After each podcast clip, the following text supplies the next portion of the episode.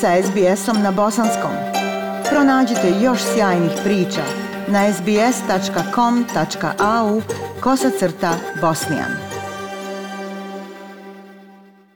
Aisha, srdačan pozdrav tebi i slušateljima SBS radija.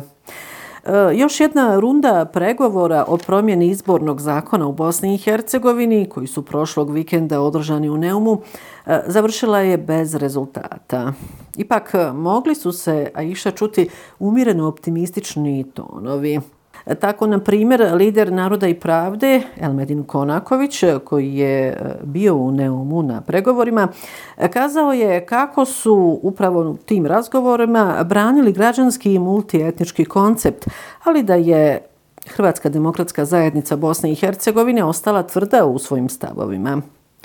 Predsjednik SBB-a, Fahrudin Radunčić, dakle, e, također je bio u Neumu, naglasio je kako su probosanske stranke bile jedinstvene i kako hrvatski zahtjevi ne smiju ići na štetu multietničkoga. E, Aisha, nakon ovih razgovora koji dakle nisu rodili plodom, Najoptimističniji je bio lider stranke demokratske akcije Bakir Izetbegović koji je kazao da e, što se tiče Doma naroda e, federalnog parlamenta stvar je riješena te da je i po pitanju izbora članova predsjedništva dogovor vrlo blizu.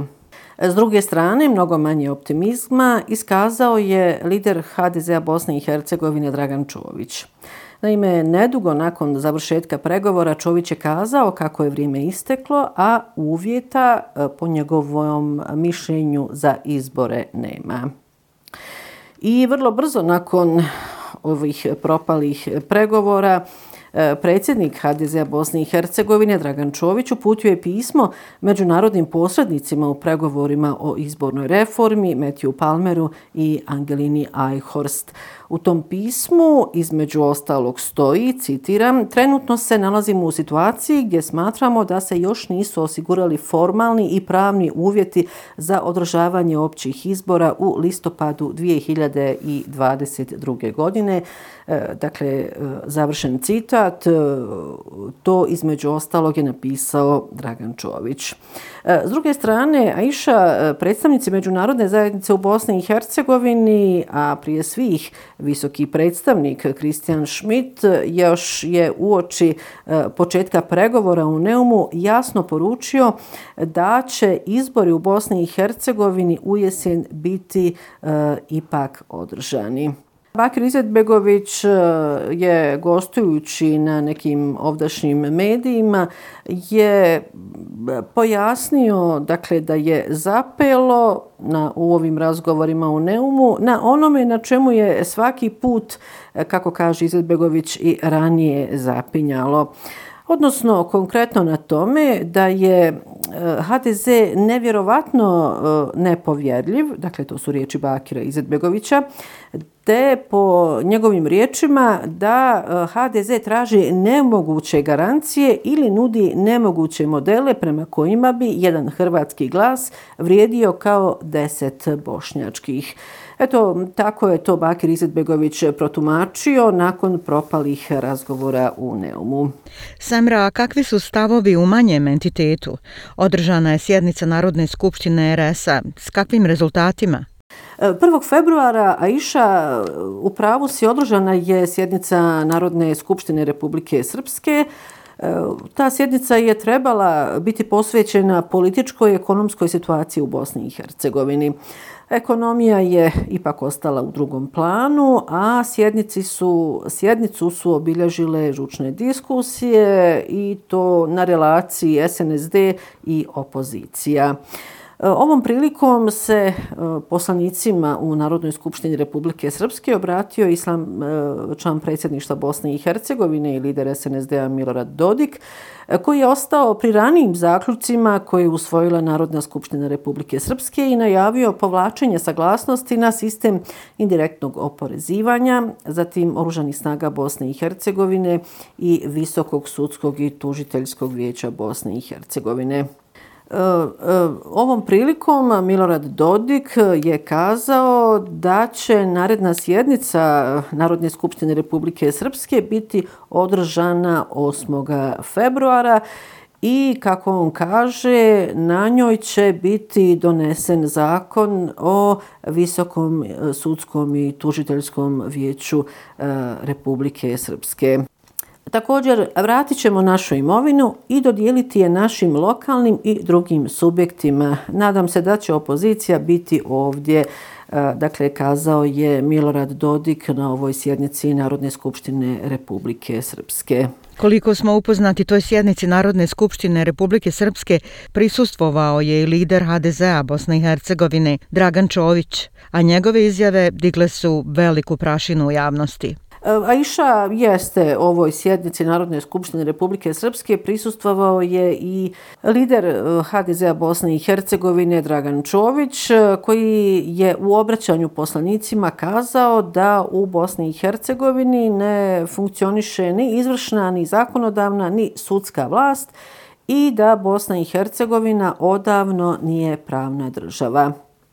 Ono malo što funkcioniše na nivou Bosne i Hercegovine se pretvara u predstavljanje pojedinaca i političkih opcija jednog naroda kada istupaju u ime tih institucija, a nikad kao što je ustavom predviđeno da se zna šta je strategija vanjske politike, koje vodi i koje provodi.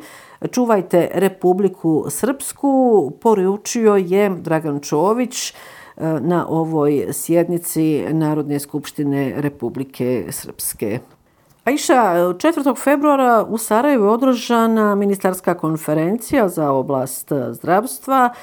Domaćin ove konferencije je bilo Ministarstvo civilnih poslova Bosne i Hercegovine i na toj konferenciji bili su prisutni predstavnici ministarstava Republike Srpske i Federacije Bosne i Hercegovine. Težište same konferencije bilo je uvođenje digitalnih COVID potvrda za stanovnike Bosne i Hercegovine u skladu sa europskim obilježima.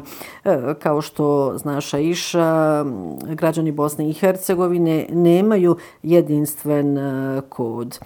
Iako još nema preciznog, dakle tačnog rješenja o tom jedinstvenom kodu na nivou države, Nakon sastanka novinarima se jedino obratio ministar zdravstva Republike Srpske Alen Šeranić koji je rekao da je e, vođen konstruktivan dijalog. Evo poslušajte riječi Alena Šeranića ono što je bio naš zahtjev, a to je da zdravstveni podaci koji se vežu generalno za cijeli ovaj posao moraju da budu u nadležnosti i ostanu u okviru zdravstvenih ustanova koji ih i na kraju krajeva pripremaju i produkuju. Druga stvar koja je usaglašena je da smo se dogovorili da svakako Ministarstvo civilnih poslova koje će ushodno svojim nadležnostima angažovati ideju bude e, prisupna tačka za Bosnu i Hercegovinu kada je u pitanju razmjena komunikacije po pitanju EU COVID digitalnih sertifikata i treći zaključak ide u pravcu da su saglase tehnička rješenja rješenje i definiše jasan protokol komunikacije po pitanju saradnje unutar same Bosne i Hercegovine.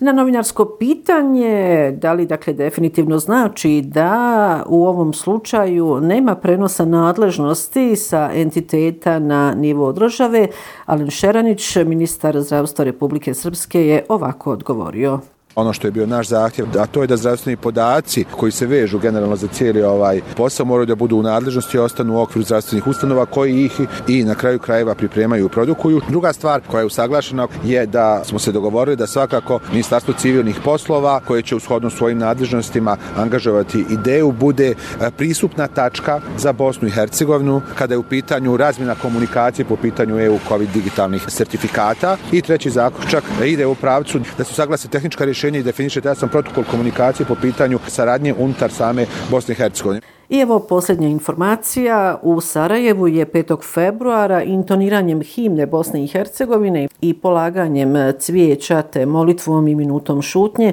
obilježena 28. godišnjica od masakra na pijaci Markale. E, prvi od dva masakra na pijaci Markale u centru Sarajeva dogodio se 5. februara 1994. godine, kada je sa položaja Vojske Republike Srpske, koji su se nalazili na području Mrkovića, ispaljena minobacačka granata kalibra 120 mm. Granata je pala na prepunu pijacu, ubivši 68 građana, dok ih je 142 teže i lakše ranjeno. Ovog 5. februara cvijeće su položili predstavnici nekoliko nivoa vlasti, a među njima je bio i predsjedavajući predsjedništva Bosne i Hercegovine Željko Komšić. A nakon februara 1994. godine, dakle tog prvog masakra, U masakru na samom kraju rata 28. augusta 1995. godine ponovo kod gradske tržnice Markale poginula su 43, a ranjena 84 civila. Eto, iša ovom informacijom i završavam ovo sedmično javljanje iz glavnog grada Bosne i Hercegovine. Još jednom vas iz Sarajeva pozdravlja Semra Duranović-Koso. SBS na bosanskom. Podijelite naše priče preko Facebooka. Želite poslušati još ovakvih priča? Slušajte preko Apple podcasta, Google podcasta, Spotify ili kako god da primate svoje podcastove.